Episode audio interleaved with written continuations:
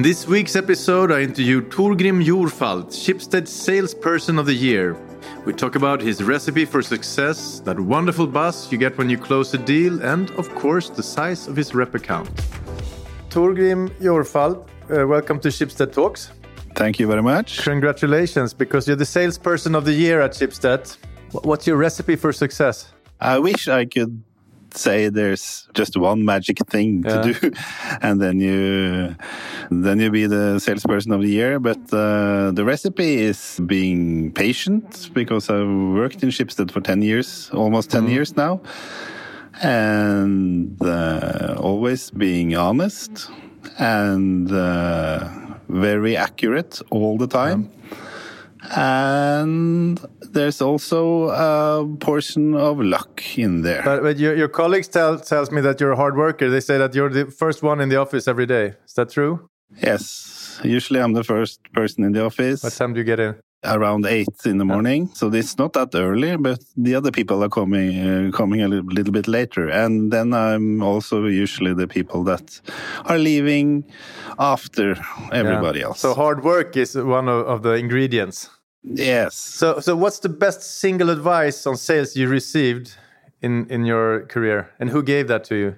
I've been thinking a little bit about that, and uh, there's not one single advice, but uh, when I went to this uh, CAM course, yeah. Key Account School, with uh, Peter Mattsson as one of the teachers, uh, I learned a lot, and especially he wanted to borrow my phone every time I was uh, about to present something for the group, and he wanted to video record me.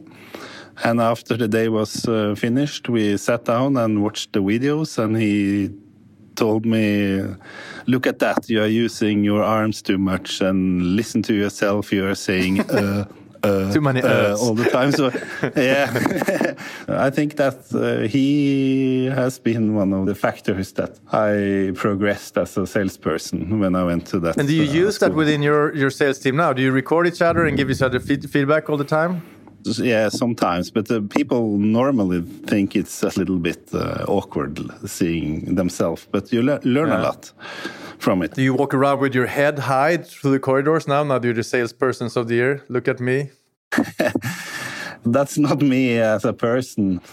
As a salesperson, there's always a new year. And when you do a good year as a salesperson, mm -hmm you get in a way punished the year after because your budgets are way yeah, bigger. okay, I get it. So, so I have a question. I, am a journalist, so I don't get to do sales that much, but sometimes I, I sell stuff, and there's an enormous buzz that you don't get when you write a good article. And I was wondering, you've been doing this for some time. Do you still get that same buzz like you did in the beginning of your career? Yes, but uh, the sales is a bit different because in the beginning of my career it was just one sale and then forget about the customer. And now I have uh, seven customers that I've been working with for several mm. years. So the bus is uh, much deeper now because the processes are much more complex and uh, yeah. and the challenges are much bigger. So when you land a deal with a complex brief, it's a very deep and satisfying bus. Could you give me an example of a challenge that a client had and, and how you solved it for them? Uh, it varies a lot, but this summer, for example, everything was uh, different for all the clients.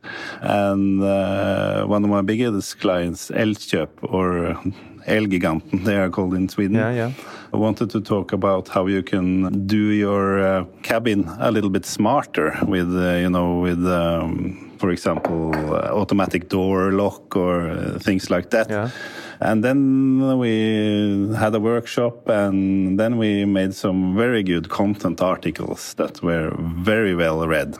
So that's uh, that's a little bit different from just receiving a brief saying Torgrim needs to sell 1,000 washing yeah, machines. Yeah. A bit more creative.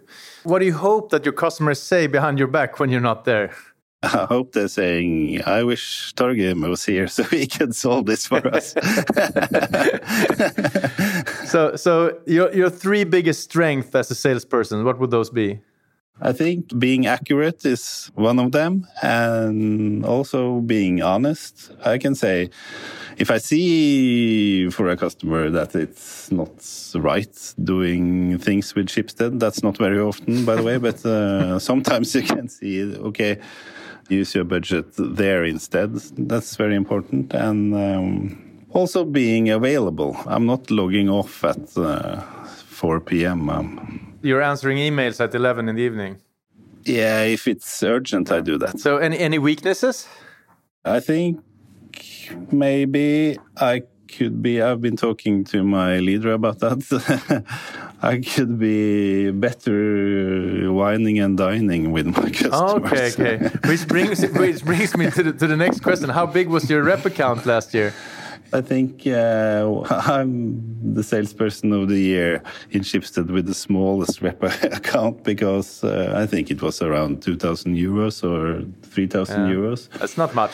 No, it's not much because there's so many things I would like to do during a day. So I need to be better prioritizing going out eating lunches yeah. and um, wining and dining. But uh, on the other hand, I mean, then the customers they buy from me because I do a good job. Not not because you know a lot about Burgundian wines. yes.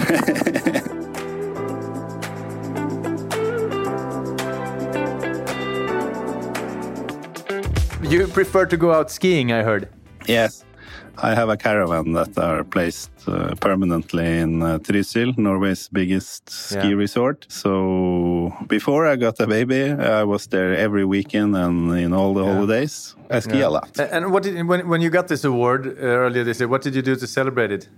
It was a little party, but uh, we had some corona restrictions in yeah. Norway, uh, in Oslo then, so all the bars closed at uh, around yeah. midnight.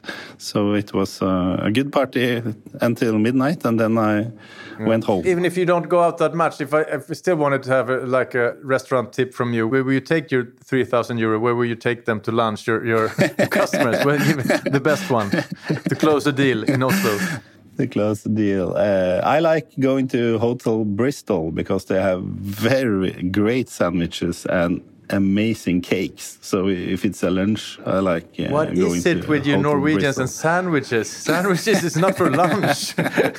That's in between lunch and dinner. yes, I know, but these are one sandwich is like a whole meal. Oh, so. Yes. What do they put on them? What's in the sandwich? It's uh, shrimps and it's uh, different kinds of meat and egg and you know it's like uh, your smörgås in Sweden. Smörgås. Yeah, I get it. So, what would you say? What drives you? What's your biggest motivator? The number in the budgets is one of the things that drives me yeah. most. I, I feel so satisfied when the numbers turn green instead yeah. of red. So every month is a new number, and when I fulfill that number, um, I get a very great satisfaction. And also, I feel great satisfaction when I can help my clients solve their problems. And um, most of my clients are retailers, so when I help them sell their products, because we did something smart, then give, give me a great satisfaction. So, how many years have you been with Schibsted now? It's 10 years now at the, in the new year. What do you like about the company? I like it's changing all the time. It when I was saying that in my presentation during the sales awards, I have had uh, 14 different sales managers mm. so far. Mm. So it's a lot of change all the time, and there's a lot of opportunities, and we are big and there are so many great people working here and so many good ideas and so many good products that we can offer to our clients. So basically you don't need anybody else but um... finally then since you're the Aamodt Kjetil Aamodt of, Schibsted if I want to go to Norway skiing in Nor Nor Nor should I go to Trysil then or it depends on uh, what kind of skiing you like. I like to jump on the big jumps. I'm pretty useless. So okay, yeah, then Trysil is fine because they have uh, nice slopes for beginners too. But I know I'm not a guy who's walking on top of a mountain and skiing down. If I'm going to off the slopes, I'm, I need a helicopter or oh, okay. a snowmobile or something like that. So I know that many people like Hemsedal too. Or great. So Torgrim, thank you so much for for participating in Schibsted Talks. Thank you so much for having me as your guest, and I hope people learned something and not just fooling around. Stop fooling around. Listen to Torgrim. This podcast was brought to you by Schibsted Employee Branding Team. My name is Hugo Renberg and producer was Jens Back.